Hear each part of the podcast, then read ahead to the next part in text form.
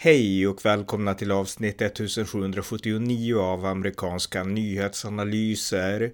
En konservativ podcast med mig, Ronny Berggren, som kan stödjas på swishnummer 070-30 28 95 0. Det här är del 3 i min serie om den amerikanska revolutionen. Amerikanerna fick lida ett svidande nederlag i New York, men julen 1776 skulle de göra revansch och drivna av sina ideal påbörja sin comeback. Varmt välkomna! Ja, som jag berättade i förra avsnittet så fick George Washington och hans mannar fly från britterna och lämna New York. Och de tog sig till New Jersey och därifrån så började de i slutet av 1776 vandra söderut. Och eh, som jag sa i förra avsnittet så inspirerade Thomas Paine än en gång de amerikanska soldaterna. Eh, George Washington hade efter striderna i New York bara kvar ungefär 3000 man från ungefär 20 000 och eh, det verkade som att kontinentalarmén var i upplösning. Många gjorde myteri och inom bara några veckor i, i samband med årsskiftet 1777 då skulle kontrakten också vara avslutade och männen skulle kunna lämna frivilligt. Eh, men Thomas Paines skrift gjorde att fler tog värvning och armén växte till ungefär 7000 man och eh, det här ingav hopp och Washington insåg att eh, jag måste göra en ny operation för annars så kommer männen inte att stanna kvar och i synnerhet inte när kontrakten går ut. Och de hade rört sig söderut och de kom till Trenton i New Jersey. Och eh, när de då blickade ut över Delaware-floden då såg de att Trenton belägrades av de här eh, tyska legosoldaterna som britterna hade lejt hesarerna och de hade en stor bas i Trenton med ungefär 15 000 man och eh, Washington, han började smida planer på att attackera hesarerna. Eh, det var inte så att amerikanerna inte var upptäckta, hesarerna hade sett dem, men även hesarerna levde i föreställningen att amerikanerna nu var slagna och svaga, precis som den brittiske generalen General Howe hade bedömt dem vara. Och eh, de höll sig på, i sitt, sina fort och sina befästningar och amerikanerna spejade lite grann över floden. Eh, men det Washington då gjorde, det var att han började smida en plan på hur man skulle kunna inta Trenton och besegra hasarerna. Och eh, en del av den planen, det var att han skickade en spion som han hade lärt känna några år tidigare, en britt som var lojal med Amerikas sak, som hette John, John Honeyman.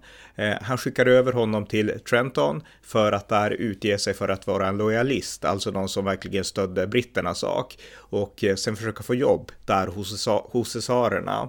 Och den här mannen, spionen, John Honeyman, han åkte över till Trenton och eh, han erbjöd sig att börja arbeta som slaktare. Han sa att han var slaktare och han kunde arbeta som slaktare åt tsaren också. Och eh, han berättade också att han var lojalist och att han förstod amerikanerna. Det fanns ju också en språkbarriär här därför att eh, hesarerna var tyskar och de kunde oftast inte engelska. Amerikanerna kunde oftast inte tyska även om det fanns tyskar som också stred för amerikanerna som kunde översätta och så. Men han åkte över och eh, Eh, hesarerna blev väldigt glada för att få någon som kunde berätta om, eh, om hur det låg till med, med liksom amerikanerna och Washingtons styrkor och det fanns egentligen inga misstankar där. Men en dag så gick John Hanneman ut i skogen utanför Trenton och då blev han tillfångatagen av general Washingtons styrkor och sen blev han förd till Washingtons eh, läger. Och Washington sa att jag vill förhöra John Hanneman ensam och eh, de gick in i ett rum, stängde dörren och eh, en halvtimme senare så kommer Washington ut och skriker att imorgon ska den här mannen avrättas. Så lås in honom här och avrätta honom på morgonen. Och inte mer med det. Men i själva verket så hade Washington lämnat en nyckel till John Hanneman. Så att han kunde rymma från eh, Washingtons läger och ta sig tillbaka till hesarerna. Och då kunde han ju berätta för hesarerna att jag blev tillfångatagen av Washington och eh, jag lyckades fly. Och eh, det här gladde hesarerna väldigt mycket för då kunde de få information om hur det var ställt i Washingtons läger. Och då sa spionen John Hanneman så här, han sa att de är helt, de är svaga, de har ingen stridsmoral, det finns ingenting ni behöver vara rädda för. Och det här gladde eh, hesarerna och deras befälhavare Johan Rall därför att nu närmade sig julen och eh, om Washingtons styrkor var så svaga så innebar det att man behövde inte mobilisera till fullo utan man kunde fira julen med det som tyskarna och framförallt Johan Rall själv tyckte om, nämligen med dryck och kvinnors sällskap. Så att eh, det var det som blev i viss mån fokus för hesarerna, inte för alla. Eh, det finns en lite så här romantisk myt om att alla söp och var fulla ungefär och exakt så var det inte. Men men helt klart så hade man inte heller, man var inte till fullo på sin, på sin gard på, på grund av den information man fick av den här spionen. Så att när det skedet av den här operationen var fullbordat, då började Washington på riktigt att planera en invasion av Trenton. Och den behövde ske med flottar, för man behövde ta sig över Delawarefloden. Eh, och det måste också gå väldigt snabbt, så att hesarerna inte hann upptäcka det som skedde. Det måste göras på natten. Problemet var bara att på natten såg man inte lika mycket. Och det här var ju ändå kring juletiden, alltså det var vinter. Och det hade börjat bli is på Delawarefloden, vilket gjorde sådana här eh, amfibieoperationer, sjöoperationer extremt farliga. Och eh, Washington förstod att det här skulle, ja, att det var en farlig operation. Det var inte säkert att den skulle lyckas och han skulle behöva driva på sina mannar hårt. Men han såg inget alternativ därför att förlusten vid New York hade varit så stor att om man inte gjorde något nu, då skulle kanske hela kriget vara över. Så som slagord för eh, invasionen av Trenton så hade han orden Victory or Death, död eller seger. Eh, på juldagen eh, 1776 då började amerikanerna med den här operationen. Man fraktade över artilleri, artilleri, alltså kanoner som Henry Knox hade lyckats få tag i i ett tidigare skede i kriget. Och man fraktade över sina mannar till eh, till Trenton över floden. Och det finns en jättekänd eh, målning från 1850-talet tror jag, där man ser Washington stå i en båt. Och så är det massa is på sidorna av båten och den här bilden ska illustrera hans eh, eh, hans färd över floden till Trenton då när man ska invadera. Eh, amerikanerna kommer över, inte alla, men väldigt många. Och eh, sen börjar man då marschera mot eh, själva epicentret av Trenton längre in i landet. Och eh, där finns hesarerna. Eh, några hesarer varnar deras ledare Johan Rall, eh, men han ignorerar det för han ska äta middag och han avfärdar helt att amerikanerna skulle vara så farliga. Plus att det är ju kallt och det är stormigt och det är juletider och allting. Eh, men amerikanerna kommer närmare och eh, Johan Drall, hesarernas ledare, väcks yrvaket upp i sitt rum och eh, han är i pyjamas, han får snabbt klä om och eh, det gör han väldigt snabbt, Så tar på sig uniformen, springer ner och försöker styra upp hesarernas försvar mot de här eh, inkommande amerikanerna. Hesarerna formerar sig och hesarerna var, de var väldigt karaktäristiska. De hade liksom sina uniformer och sen hade de stora mustascher som var väldigt populärt bland just husarerna och kännetecknande för dem på den tiden. Och de ställde upp sig med sina musköter, sina formationer och drog fram sitt eget artilleri, sina egna kanoner. Och eh, amerikanerna började också komma upp. Men amerikanerna hade också fått med sig sitt artilleri. Och det regnade och det var dåligt väder. Men man hade lyckats skydda eh, krutmynningarna, man hade lyckats skydda kanonrören. Så att eh, kanonerna, de amerikanska kanonerna fungerade. Och det amerikanska artilleriet leddes av en talangfull ung man som hette Alexander Hamilton, en av George Washingtons soldater som också skulle bli en av Washingtons stora och viktigaste rådgivare och få en stor roll i amerikansk politik lite längre fram i historien. Ehm, han eh, ledde artilleriet och sköt, hesarerna föll omkull och man oskadliggjorde hesarernas kanoner. Och en amerikansk soldat som heter James Monroe, han skulle vara delaktig i det, han skulle bli skadad, men han skulle delta till att stoppa att hesarerna slog tillbaka. Och precis som Alexander Hamilton så skulle James Monroe också få en stor roll senare i amerikansk historia. Han skulle bli amerikansk president faktiskt. Men det är också en historia för sig för ett annat tillfälle. Men tyskarna misslyckades, alltså man, man kunde inte stå emot amerikanerna, man blev omringade och till slut så fick man kapitulera. Och eh, allt som allt så förlorade tyskarna, alltså tsarerna, 918 man och de dog eller tillfångatogs. Eh, för Washingtons styrkor så förlorades två män. Alltså amerikanerna förlorade bara två män och det var inte ens i strid utan de hade dött av köldskador på vandringen mot Trenton. Så att det här var en stor seger för George Washington och för amerikanerna och eh, man lyckades ta vapenförråd och eh, sådana saker och man lyckades definitivt eh, ja, sänka hesarerna. Och hesarernas uppgift här, det var ju att vara ett skydd för britterna som fanns längre bak, alltså borta i New York och liknande. Men nu var det skyddet borta och eh, det blev en stor prestigeseger för Washington och för amerikanerna och eh, verkligen en boost när man då hade känt att vi håller på att förlora. Det här blev en stor taktisk och moralisk eh, eh inspirerande seger och George Washington han utbrast när han fick beskedet om att de sista hasarerna hade kapitulerat. This is a glorious day for our country, sa George Washington. Och eh, Washington hade vunnit sin första riktiga seger mot britterna, slaget om Trenton, julen 1776. Och eh, det finns också en spelfilm från år 2000 som handlar om det här. Eh, den filmen heter The Crossing och eh, den handlar om just den här uh, operationen då, en sevärd film som, som jag kan rekommendera. Men vi går vidare, för efter Trenton så skulle det följa ett nytt slag om Princeton. Några mil norr om Trenton så hade britterna sin militärbas i staden Princeton och eh, där fanns en general som hette Charles Cornwallis. Och när han hörde talas om vad som hade hänt i Trenton, att amerikanerna hade besegrat tsarerna, så beslöt han sig för att dra ut med 8000 brittiska soldater och dra söderut för att besegra amerikanerna i Trenton. Och eh, britterna hade fortfarande den här inställningen av att amerikanerna är svaga, det är egentligen bara att gå dit och krossa dem och sen är det här över.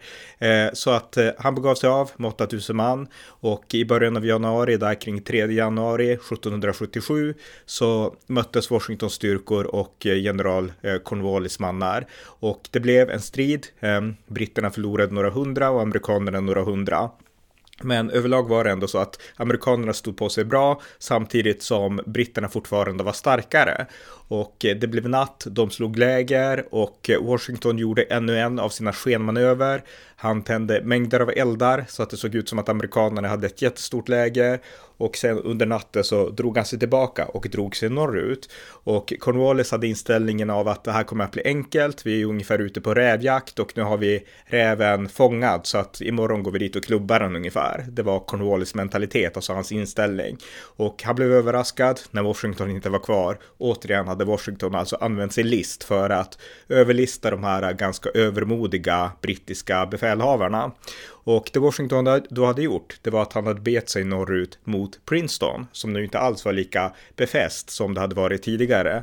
Och eh, eh samtidigt så hade brittiska soldater från Princeton gått ut för att förstärka Cornwallis och de stötte samman en bit utanför Princeton med George Washingtons styrkor och det blev eldutväxling. Till en början så eh, tycktes britterna vinna. Washington var inte på plats då utan han hade delat upp sina trupper lite grann.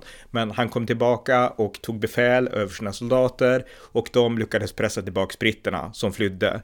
Och efter det så marscherade Washington och hans mannar fort, fortsatt in mot Princeton. Och nu började britterna retirera. Det fanns fortfarande mannar kvar i Princeton och somliga tog skydd i universitetsbyggnaderna där och så.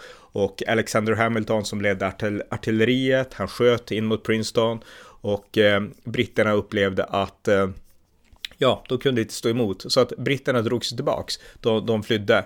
Men Washington han var ändå inte helt nöjd för han hade varit ute efter ett stort vapenförråd och slaget vid Princeton hade tagit hela dagen och eh, det hade också gett Cornwallis mer tid att själv omgruppera sig och nu var Cornwallis på väg med sina mannar söderifrån. Så Washington fortsatte eh, vägen norrut mot bergen i norra New Jersey och slog sedan läger vid en stad som heter Morristown. Eh, men återigen så fick han en chans därför att britternas överbefälhavare William Howe, han ville återigen inte gå på allt för hårt och eh, den 6 januari så beordrade han Corvallis att göra en reträtt och eh, eh, ja, rusta upp sig igen och, och så. Och brittiska soldater, de började också bli allt mer rädda för amerikanerna. Alltså den här känslan av att vi kommer att slå amerikanerna enkelt, det började sakta liksom vika tillbaka, i synnerhet bland de, bland de brittiska soldaterna. Och eh, nu börjar man gå in i vintermånaderna, det var ju nu våren 1777 och eh, då utfördes det vissa små strider men inga storskaliga storskaliga strider och eh, Washington fick nu lite tid att fundera mer på hur han skulle bygga upp sin armé och liknande. Han avsåg fortfarande att miliserna och liksom eh, milisrörelsernas sätt att tänka präglade kontinentala armén alldeles för mycket och eh, man måste börja indela armén i brigader och eh, omstrukturera den för att klara de här stora striderna mot, mot britterna. Så att eh, nu kom vintern 1777 och det hände en del andra saker politiskt också. you Ja, George Washingtons segrar vid Trenton och Princeton fick såklart stor uppmärksamhet av kontinentalkongressen, men de fick också hantera de spörsmål som uppkom, för Washington var inte helt nöjd med hur kontinentalarmén, den armé som han ledde, var uppbyggd och hur den fungerade. Han ansåg fortfarande att den bestod alldeles för mycket av miliser och att han inte hade möjlighet att utkämpa krig mot de europeiska arméerna, hesarer och britter och så, eh, eftersom hans egen armé, den amerikanska armén, inte hade samma struktur struktur och samma funktionalitet som de europeiska arméerna hade. Och det här var problem som kontinentalkongressen såg, men de hade samtidigt svårt att göra så mycket åt problemet, därför att eh, kontinentalkongressen var inte en regering. Vid det här tillfället så var det så att de 13 kolonierna, eller numera staterna, de var just stater och inte delstater. De styrde helt, helt sig själva och de hade ingenting över Eh, ingen övermyndighet så att säga. Kontinentalkongressen var primärt rådgivande och eh, kontinentalkongressen hade makt att för i liksom namnet av alla, alla eh, stater eh, sluta avtal, till exempel välja om de vill ha fred eller krig med Storbritannien. De hade också makt att ta lån till exempel och de hade makt att styra upp armén även om det i praktiken då var George Washington som gjorde det. Men de hade inte makt att ta skatter av folken eh, eller av delstaterna. Såklart inte. Jag menar, kriget handlar ju om att no taxation without representation. Så skatt, inbetalning av skatt, det var helt frivilligt och det innebar att eh, man fick inte så mycket skatt och eh, man fick ta lån för kriget från lånhållare i Nederländerna och i Frankrike och man fick stora skulder och man kunde inte göra så mycket åt det. Så att i praktiken kunde man inte hjälpa Washington med hans bekymmer i någon större utsträckning för den här viljan att okej, okay, gärna ett krig men betala skatt. Alltså vi gillar inte skatter liksom. Det, så att det var svårt att få det att gå ihop. Så att man började diskutera inom kontinentalkongressen vad man skulle göra åt det här för att man förstod mycket väl problemet att om vi inte lyckas styra upp det här så så kanske vi inte lyckas. Eh, John Adams, han föreslog att man skulle införa ministerposter och kabinett som skulle kunna styra upp saker och eh, man började inse att vi behöver något slags dokument som håller oss samman. Och då börjades processen med att skapa the Articles of the Confederation, eh, alltså den här protoversionen av den amerikanska konstitutionen. Den började man skapa där 1777. I praktiken skulle det dröja flera år innan den blev verkställd och godkänd av alla enskilda eh, kolonier, stater och eh, under kriget skulle det inte spela en sån jättestor roll, men processen började redan då utifrån de problem som fanns. Så att det var de politiska diskussionerna som pågick i Amerika och man började också snegla åt ett annat håll. och Vi ska komma in på det lite mer om en stund, nämligen åt Frankrike, men mer om det om en stund. Så att det var politiken i Amerika under de här äh, vintermånaderna 1777. Eh, det var också politik i London, därför att i London så hade nu beskedet kommit om att britterna och deras allierade hade förlorat mot amerikanerna i Trenton och i Princeton. Och det här var oerhört, eh, ja, illabådande. Det visade tydligt att britterna höll på att misslyckas i Amerika. Det här upproret som man bara skulle åka dit och kväsa och när man då skickade dit stora stridsskepp och tog New York. Det visade att nu ska kriget vara över i ett enda slag. Det var det man hade hoppats att man skulle få konfrontera Washingtons armé en gång för alla i New York, krossa Washington och sen skulle kriget vara över. Det var det som var den brittiska planen. Ehm, förlusterna i Trenton och Princeton visade att eh, Okej, okay, man hade tagit New York, men kriget verkade inte vara över. Och det kom som stor besvikelse hos britterna och det gav också vind i seglen för krigsmotståndarna i det brittiska parlamentet. Storbritannien var ju inte diktatur, utan det här var i mångt och mycket eh, parlamentets krig mot kolonierna, även om kung George den tredje såklart hade makt också, stort inflytande, men det behövdes också röster i parlamentet. Och eh, krigsmotståndarna hade nästan inget att säga till om. Men förlusterna vid eh, Trenton Trenton och Princeton, det gav ändå krigsmotståndarna visst vind i seglen. Parlamentet beslöt att avskaffa habeas corpus i kolonierna, eh, vilket innebar att man skulle kunna ta rebellledare och bara plocka iväg dem och åtala dem och straffa dem hårt i Storbritannien och riva upp alla deras former av brittiska rättigheter. Alltså på den här tiden fanns ju inte mänskliga rättigheter, men det fanns ändå rättigheter för britter. Och det var det som amerikanerna alltid tog fasta vid, att vi förvägras de rättigheter som alla engelsmän ska ha ungefär. Så att, eh, och nu förvägras, förvägrades det i praktiken också av det brittiska parlamentet som ville gå på ännu hårdare mot amerikanerna. Men en motröst reste sig i det brittiska parlamentet, en person som hade varit emot kriget, en Whig-politiker som hette Edmund Burke, känd filosof och eh, känd brittisk politiker. Och han pratade med sina väljare i Bristol och han sa att eh, det här är amerikanernas krig att vinna, de vill inte tillhöra oss och eh, våra krigsinsatser är förfelade och det här är bara en distraktion från allt annat viktigt som händer i imperiet. Och eh, vi är liksom, vi är så prestigetänkande att vi vill inte ta en förlust och våran vägran att acceptera verkligheten det gör att vi nu är beredda att köra över alla brittiska principer och eh, göra vad som helst för att vinna.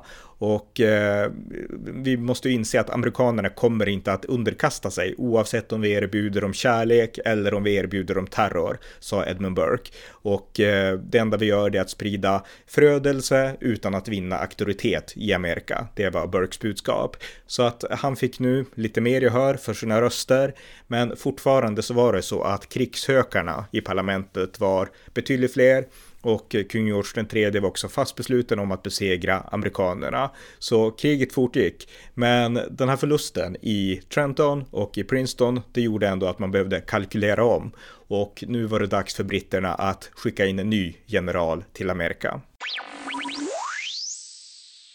Britterna började nu smida planer på hur man skulle göra för att besegra George Washington och återigen lägga kolonierna under det brittiska herraväldet. Och eh, konkret var det två planer som lades fram eller som realiserades. Och eh, den första planen, den var mest formell. Det var en general som hette John Burgoyne som hade varit och tjänstgjort i Amerika men som sen hade åkt till England och överlagt med den brittiska regeringen om hur man skulle gå vidare från efter förlusterna i Trenton och Princeton.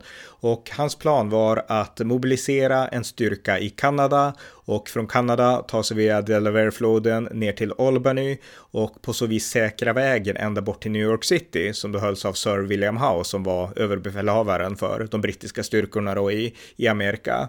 Så att det var eh, den brittiska generalen John Burgoynes plan och eh, för att kunna verkställa den så behövde han ungefär 10 000 brittiska soldater, han vill ha 2 000 indianer, han vill ha några tusen kanadensiska milismän och eh, hästar och ja, han hade en lång lista på allt han behövde för att fullborda den här operationen. Han fick inte allt som han önskade, men han fick eh, i viss mån, i, i viss utsträckning så mycket som man, man bedömde att han behövde. Och han begav sig då till Kanada, till Montreal för att förbereda den här operationen och eh, sen göra slag i saken. För britterna hade den här idén att eh, om man lyckas ta floden och skära av, alltså vägen egentligen från, vägen från Eh, ja, vägen mellan eh, Pennsylvania kan man säga idag och eh, New England. Då skulle man splittra kolonierna så mycket att man skulle kunna besegra eh, delstaterna i New England eh, samtidigt som de andra helt enkelt skulle ge upp. Så att det var en liksom, det var en tanke bakom att göra just den här operationen.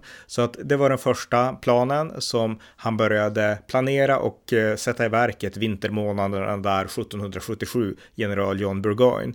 Eh, vi kommer att återvända till honom och till det som hände i norra USA om en stund. Men eh, ungefär samtidigt så händer också saker på eh, lite längre söderut. George Washington och hans mannar, de hade ju belägrat sig för vintern i bergen i New Jersey, i Morristown. Och eh, samtidigt så hade då britternas överbefälhavare Sir William Howe, han hade börja smida sin egen plan och eh, han gjorde delvis det därför att han var ingen vän av den här eh, andra generalen John Burgoyne. Eh, John Burgoyne hade smidit sina planer eller planerat i samråd med med brittiska ministrar i London och eh, Sir William Howe som då styrde från New York City, den här stora, de stora arméerna, han, han kände sig lite sidosatt och han ville komma på en egen plan för att kunna få äran, äran som den som besegrade amerikanerna.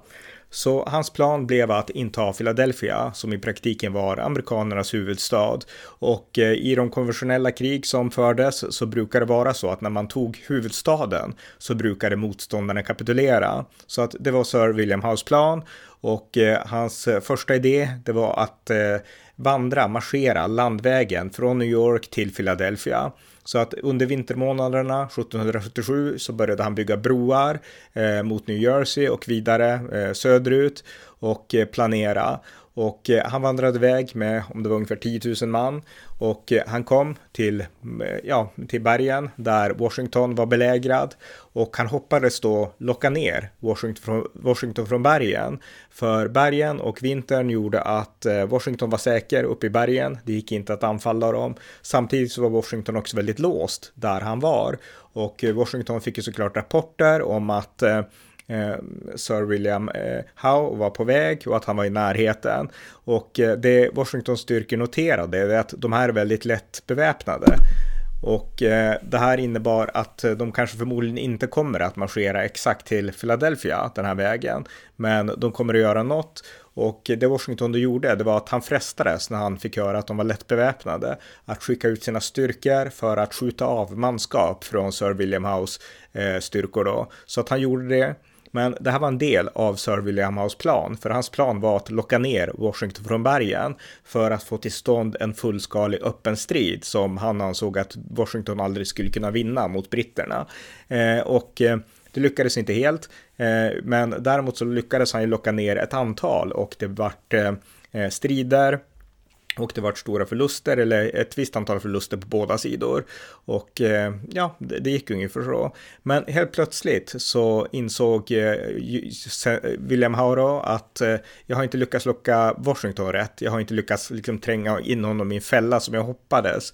Så att han drogs tillbaks alla sina styrkor igen till Staten Island i New York och lämnade helt New Jersey och det här förvånade till en början Washington. Vad, vad gör han nu ungefär? Och eh, sen kom hans bror eh, Richard House armada in och då gick William House alla styrkor ombord på den här armadan. Och det här förvånade amerikanerna. De visste nu inte vad kommer han att göra. Den mest sannolika teorin det var att eh, eh han skulle förstärka norrut för att då bistå eh, general Eh, John Burgoyne med sin plan då att invadera Albany via liksom land och sjöväg från Kanada. Det var, det var eh, teorin som fanns att nu kommer Sir William ha att för, backa upp och, och eh, förstärka sin, ja, den andra brittiska generalen. Men man var inte helt säker, för det fanns också en möjlighet att Sir William Howe skulle ta sjövägen till Philadelphia och eh, på så vis invadera Philadelphia. Och om så var fallet så behövde Washington skynda sig att marschera med sina trupper för att försvara amerikanernas huvudstad. Bud skickades till Philadelphia och den andra kontinentalkongressen, de flydde. De lämnade Philadelphia och eh, tog sitt säte i lite andra städer runt om i, ja, längre bort. Eh, så att det var ett besked som Alexander Hamilton kom med till Philadelphia. Så att Washington förberedde på att det skulle kunna bli så, men samtidigt visste han inte. För det var väldigt svårt att få rätt underrättelser. Det här var ju en tid när ja, man behövde spejare och liksom expressryttare och liknande, så det tog tid att veta. Och eh, det, ja, han vart förvirrad, George Washington. Men till slut insåg han, och det var i princip nästan för sent, att eh, William Howe är på väg söderut. Och man trodde att han kanske var på väg till Charleston, i South Carolina. Men sen insåg man att han är på väg till Philadelphia, till Chesapeake Bay och han vill in där och eh, landstiga där någonstans. Så att då fick George Washington bråttom att eh, marschera söderut och eh, den 11 september 1777 då landsteg ehm, eh, Sir William Howe med sina eh, ja, cirka, det var väl cirka 10 till 15 000 soldater på landremsan där. De gjorde sig redo. Eh, George Washington, han kom också ner dit och eh, han började göra sig redo för ett slag och på den här tiden så stod de långt ifrån varandra. Det var skogsmiljöer och eh, träskmiljöer, allt möjligt. Och Washington ställde upp sina mannar redo för strid. Sen så kom det olika rapporter in att britterna är inte där vi trodde att de var. Och han hade väldigt svårt att tro det. Alltså, för han tänkte sig att det här kommer bli, för det är det William Howe vill ha. Han vill ha en öppen strid mot oss, det är det han har drömt om. Så han kommer att anfalla oss och vi kommer att göra vad vi kan ungefär, tänkte Washington. Men han fick rapporter om att de är inte där vi har tänkt att de ska vara. Och han hade svårt att tro det, rent strategiskt. Varför är de inte det? Så att han, han visste inte vad han skulle tro. Det kom in olika rapporter. Men sen visade det sig att William Howe, han förstod hur Washington tänkte. Det här var en general som, eller överbefälhavare för britterna som eh, ja, han, han gillade att leva lite lyxliv, han hade alltid med sig sin älskarinna, jag tror även på den här kampanjen, och eh, ja, han var inte så superengagerad i kriget. Alltså, många historiker sen skulle ju lägga skulden på honom att, att britterna förlorade. Men eh, hur som helst, han var ändå en kunnig militärtänkare, han hade erfarenhet från krig på ett sätt som Washington faktiskt inte hade, och eh, han insåg att Washington tror nu att vi kommer att göra ett frontalanfall. Och, i, och eh, det gör vi inte, utan han delade upp sina styrkor och försökte göra likadant som hade gjorts vid Long Island i New York, nämligen omringa Washington från två sidor genom att smyga bakifrån. Och till en början hade Washington svårt att tro det, men när han insåg att så var fallet så ställde han så snabbt han kunde om styrkorna för att möta de som kom från en kant och sen lät han en av sina generaler försöka hantera de som kom från andra sidan. Men det blev en väldigt snabb och tvär omställning som man inte hade planerat. Striderna inleddes och amerikanerna visade nu att de hade mycket mer disciplin än de tidigare hade haft. Den här milisrörelsen som var en armé började mer och mer likna en normal fungerande armé där man kunde ge kommandon i befälskedjor och där saker och ting kunde gå strukturellt tillväga. Inte helt och hållet, inte alls lika bra som britterna, men fortfarande bättre än tidigare. Och det här gynnade Washington. Samtidigt så visade britterna som vanligt stor disciplin och eh, han kunde inte riktigt hålla emot. Och eh, de andra, de kom till undsättning och eh, lyckades styra upp och även rädda Washingtons från, från att kanske förlora där. Och striderna pågick, det här som kallas för Battle of eh, Brand, Brandywine Creek kallas den här striden, ganska känd i de här sammanhangen. Och eh, det slutade i alla fall med att Washington fick retirera. Eh, Sir William Howe, han hade återigen överlistat Washington som själv var listig, men eh, britterna visade att de var skickliga. Så Washington fick backa. Han överlevde, men han fick backa. Och det som då hände, det var att nu kunde britterna marschera rakt in i Philadelphia, amerikanernas i praktiken huvudstad. Eh, britterna tog över Philadelphia där och eh, eh, mötte inget motstånd där egentligen. Men Washington hade klarat sig och eh, nu insåg Washington att han skulle kanske ha en chans att slå tillbaka, för det fanns en annan stad eh, nära Philadelphia, Philadelphia som hette Germantown, som britterna också tog. Och det britterna då gjorde, det var att de delade upp sina styrkor mellan Philadelphia och Germantown. Och det gjorde att Washington såg sitt tillfälle att nu kanske jag kan eh, åtminstone ta Germantown från britterna och ge dem en eh, liksom näsbränna som de inte förväntade sig. Så att den operationen började planeras och eh, sattes i verk. Men nu var vädret inte på Washingtons sida. Jag berättade tidigare att vid andra tillfällen så var stormar och dimma någonting som Washington hade dragit nytta av. Nu blev det tvärtom. Nu när han skulle anfalla så gjorde dimman att soldaterna blev förvirrade och britterna fick också varningar från lojalister i närheten och eh, när Washington gick in så blev det strider men de fick ge sig till slut, eh, amerikanerna och eh, britterna höll båda de här städerna. Så att vad Sir William Howe hade visat här, det var att eh, när den brittiska militären väl ville och leddes av en skicklig ledare så kunde de vinna över Washingtons styrkor. Och det han visade det var att det som hade hänt i Trenton och Princeton när Washington hade vunnit över dels legosoldater men också över överraskade brittiska soldater. Det kunde inte hända när britterna var förberedda. Så att en stor moralisk boost här för Sir William Howe.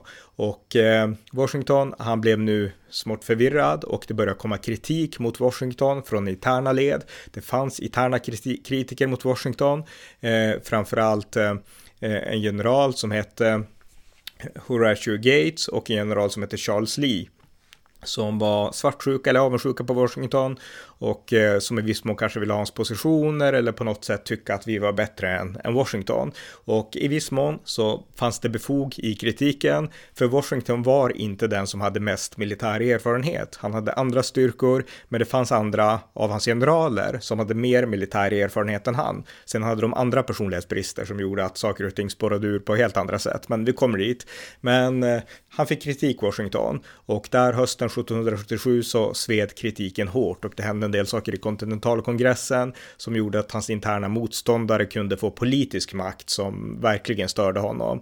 Men det var ungefär det som hände eh, där kring Philadelphia där hösten, september och början av oktober eh, 1777. Vi lämnar nu George Washington i Philadelphia, för samtidigt så hade den här brittiska generalen då John Burgoyne börjat ta sig ner från Kanada mot Albany och det här var ju någonting som Washington visste. Så att det han hade gjort det var att han hade delat upp sina styrkor för att ha en försvarsstyrka också i norra USA. Därför att han visste att om den här gamla brittiska drömmen om att splittra kolonierna, eh, alltså splittra nu England från de övriga kolonierna, om det realiserades, då skulle det bli väldigt svårt att överhuvudtaget kunna besegra britterna. Det förstod han, så att det fanns nu en försvarsstyrka även norrut. Och den skulle komma att ledas av, det fanns ett antal generaler, eh, som skulle utföra hjältedåd. Benedict Arnold var en av dem eh, och många andra. Men armén skulle officiellt komma att ledas av Horatio Gates som var en befälhavare som i viss mån var i konkurrens med Washington. De var inte vänner.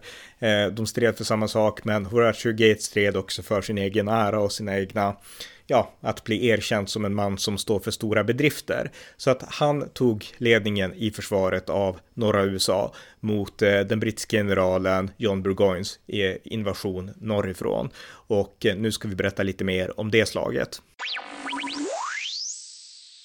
Ja, den brittiska generalen som hade befälet för invasionen från Kanada ner mot Albany i New York, det var alltså general John Burgoyne. Och John Burgoyne, som också kallades Gentleman Johnny, han var en väldigt färgstark person med en väldigt speciell personlighet.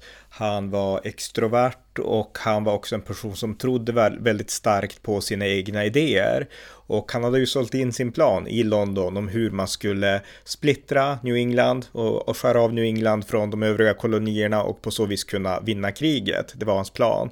Och eh, han skulle då marschera från Montreal, från Kanada, ner mot Albany och skära av genom att, att göra så. Eh, men det fanns många felkalkyleringar. Dels så räknade han med att få eh, stöd från lojalister eh, längs vägen. Det var bara det att i London, precis som John Burgoyne själv, så överskattade man antal lojalister, alltså antalet amerikaner som var lojala mot Storbritannien. Och eh, det berodde på att de flesta informanter som man hade i Amerika, de kom från den amerikanska överklassen och det var överklassen som var lojalister, medan vanligt folk som bodde i skogarna och byarna, de var inte lojalister utan de var patrioter för amerikansk frihet. Och det här var en felkalkylering som gjordes och nu skulle John Burgoyne ta sig igenom skogen, alltså genom alla mindre städer och samhällen och skogar och berg.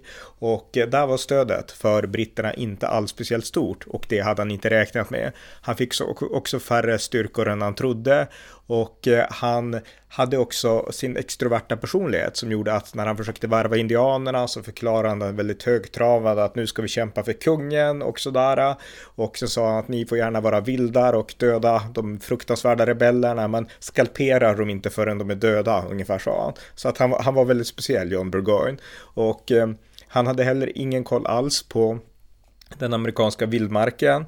Eh, dels att vädret, väderomslagen i USA var mycket större och vildare än i Europa och dels att ta sig genom skogar med insekter och sådana saker. Utan han ville ha en ett stort ekipage med lådor och med vagnar och med stora saker. Medan de som kunde naturen bättre och skogskrigföring bättre, de tipsade honom och tyckte att man måste när man gör sådana kampanjer så måste man vara lätt utrustad.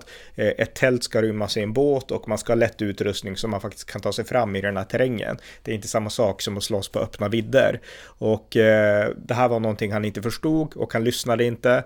Och eh, de begav sig av med pompa och ståt genom skogarna och eh, det som hände det var, för att göra en lång historia väldigt, väldigt kort, att många av indianerna övergav hans ekipage. Han fick inte de spejar han behövde, som indianerna skulle vara delvis. Och eh, hans eh, styrkor, de vart uttröttade av skogsmarscherna. Det var skallerormar, det var insekter. Och det tärde på stridsmoralen och på vandringsmoralen. Eh, sen efter ett tag, i mitten av september 1777, så var det också så att han han började närma sig amerikanernas befästningar. För som sagt, eh, Washington hade skickat Horatio Gates, en av sina generaler, till att tillsammans med andra stora undergeneraler, Benedict Arnold och andra, anordna försvaret och möta Eh, den här brittiska generalen då John Burgoyne. John Burgoynes plan var också att han skulle få uppbackning från tre andra håll. Eh, dels av William Howe som nu var i Philadelphia, eh, men också av general Clinton en brittisk general som också skulle sluta upp. Det var bara det att de här kom inte så som det var bestämt och som jag berättade tidigare, eh, John Burgoyne hade en viss speciell personlighet och eh, Sir William Howe, han kände sig, ja, han tyckte att det här är en konkurrent till min maktställning och min ställning som överbefälhavare. Så att han gjorde inte allt heller för att komma till undsättning. Så att John Burgoyne, han, han trodde alldeles för mycket på sig själv och sina egna planer för att det skulle riktigt gå hem. Så att den 19 september september så mötte han amerikanska styrkor under eh, den amerikanska generalen, brittiska amerikanen Horatio Gates och eh, det blev en stor och omfattande strid eh, i Saratoga som staden heter, där den här striden började.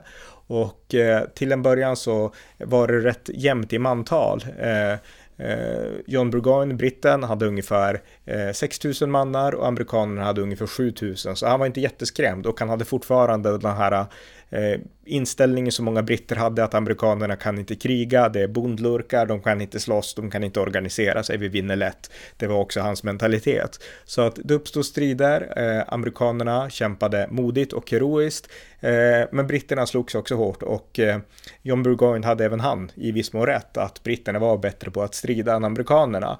Eh, och det blev mörkt och många blev skadade. Eh, och amerikanerna fick dra sig tillbaka. Det var många milistrupper och liknande. Men alla inom, eller många inom eh, John Burgoynes läger, när de slog läger i mörkret, de insåg att vi har blivit rejält skadade. Amerikanerna kanske också har blivit det, men de som drabbas av det är vi, därför att vi är nu för svaga för att fortsätta söderut mot Albany. Och eh, det borde vem som helst kunna förstå. Våran enda, vårt enda hopp är att retirera tillbaks till Fort Tigiroga eller till Kanada eller något sånt där. Eh, men vi kan inte fortsätta mot Albany. Den liksom bedömningen gjordes i, i viss mån Eh, i, i hans läger. Men John Burgoyne ville inte vara den som misslyckades. Han ville inte retirera till Kanada, det hade hänt tidigare i kriget eh, när eh, i, en, i den här kampen jag berättade om tidigare när Benedict Arnold hade försökt invadera Kanada och sen mött motstånd därifrån. Men då hade de brittiska styrkorna inte klarat av sin operation och eh, John Burgoyne ville inte bli den andra med att misslyckas i att gå söderut mot Albany. Så att han vägrade ge upp och eh, han beslöt sig att försöka sig på ett, eller till att börja med så tänkte han så här, vi slår läger här ett tag och hoppas på förstärkning, för det var ändå det som han hade efterlyst. Och eh, han fick till slut besked från Henry Clinton, eh, den andra brittiska generalen, att vi kan nog komma med förstärkning om ungefär tio dagar på Eh, liksom, om ni slår er söderut.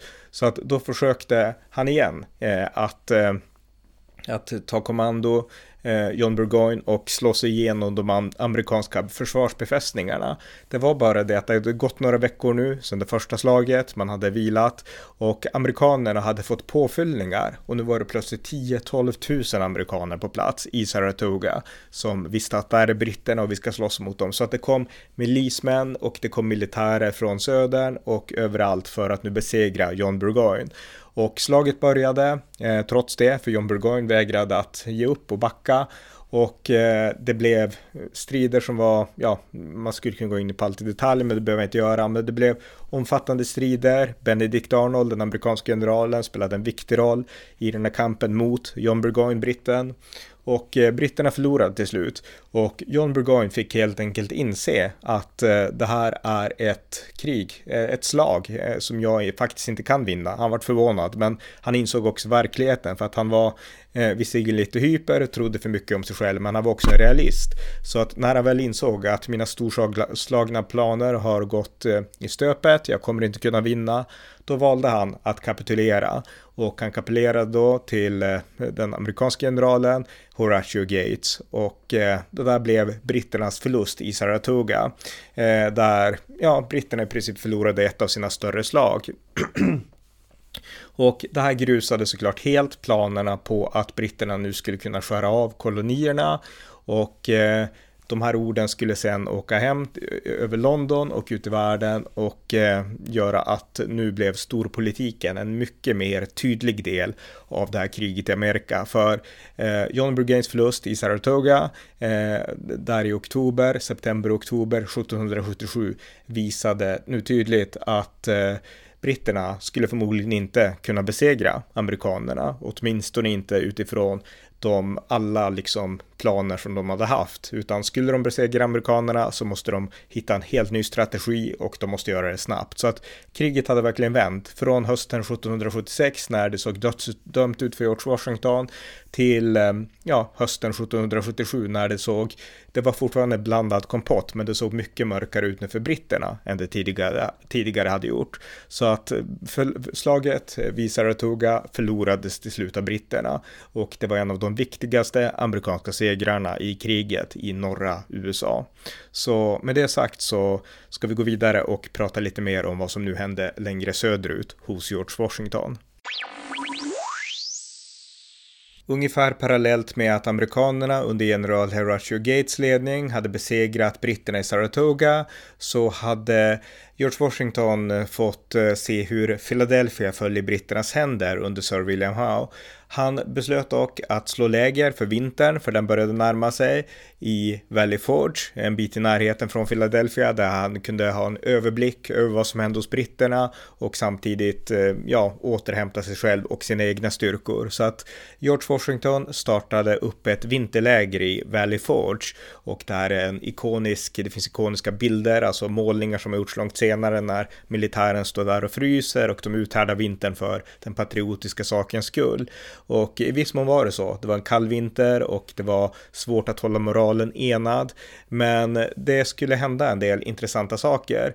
Eh, dels så var det så att eh, de här segrarna som ändå hade vunnits nu i Saratoga för allt, det spreds över världen och fransmännen började nu allt mer intressera sig för amerikanernas sak. Redan 1776 på hösten där så hade kontinentalkongressen låtit skicka ett antal amerikaner eh, däribland främst, eller primärt bland dem, eh, Benjamin Franklin till Frankrike eh, och även John Adams och eh, Silas Diane. Och eh, de hade åkt till Frankrike för att vädja till den franska kronan eh, om, eh, om stöd i kampen mot britterna. Så att Benjamin Franklin fanns i Frankrike. Och eh, han hade också gett rekommendationsbrev till en un, ung man som heter Marquis Lafayette, kallas han på engelska. Han har, ett, han har ett långt franskt namn som jag inte kan uttala. Men det var en 19-årig ung man från aristokratin som var en stor fan av USA och av amerikanerna och deras kamp. Och han åkte till Amerika och han eh, fick träffa George Washington, lärde känna George Washington där och han blev snabbt en av Washingtons snabbaste bundsförvanter. Och eh, han var en av de som hjälpte till även i striderna i norr och eh, lite överallt. Eh, Marquis Lafayette och hans, hans namn måste nämnas. Men en annan som kom till eh, eh, amerikanerna där när de då höll sitt vinterläger i Valley Forge, eh, det var en en man som hette von Steuben, hette han. Och det här var en person som kom från Europa, eh, en Eh, han sa själv att han hade varit en nära betjänt till Fredrik den store eh, i Europa och att han, han kunde det här med militära saker. Och det mesta tyder på att han var en skrävlare, någon som bara pratade och faktiskt inte kunde så mycket som han menade sig kunna. Men von Steuben i alla fall, han hade ändå kunskaper och han visste hur man skulle strukturera en armé. Han hette Lud Ludolf Gerhard Augustin von Steuben och eh, han, Eh, han, han, han, han kunde bara tyska, han kunde inte engelska så att han försökte ge information på tyska som man sen fick översätta. Och eh, hans uppgift blev att organisera Washingtons armé till en modern fungerande armé precis som i Europa. Och det var exakt det som Washington hade efterlyst och någonting som han hade behövt. Och eh, Von Steuben började med att träna upp Washingtons styrkor enligt hur man tränade militären i Europa. Han svor, han skrek och eh, han ville att hans svordomar skulle översättas till engelska för han kunde inte engelska. Så att han var en väldigt färgstark person och Washington personligen hatade svordomar ska sägas. Jag tror att det kan ha haft med religiösa, religiösa saker att göra, men han svor inte och han avskydde när folk svor. Men von Steuben, han svor som en borstbindare och eh, han fick fart på de amerikanska soldaterna som eh, lärde lärde sig ungefär de saker de inte kunde lära sig av de amerikanska befälen. Hur man organiserar sig som man gör i Europa och hur man utför stora slag.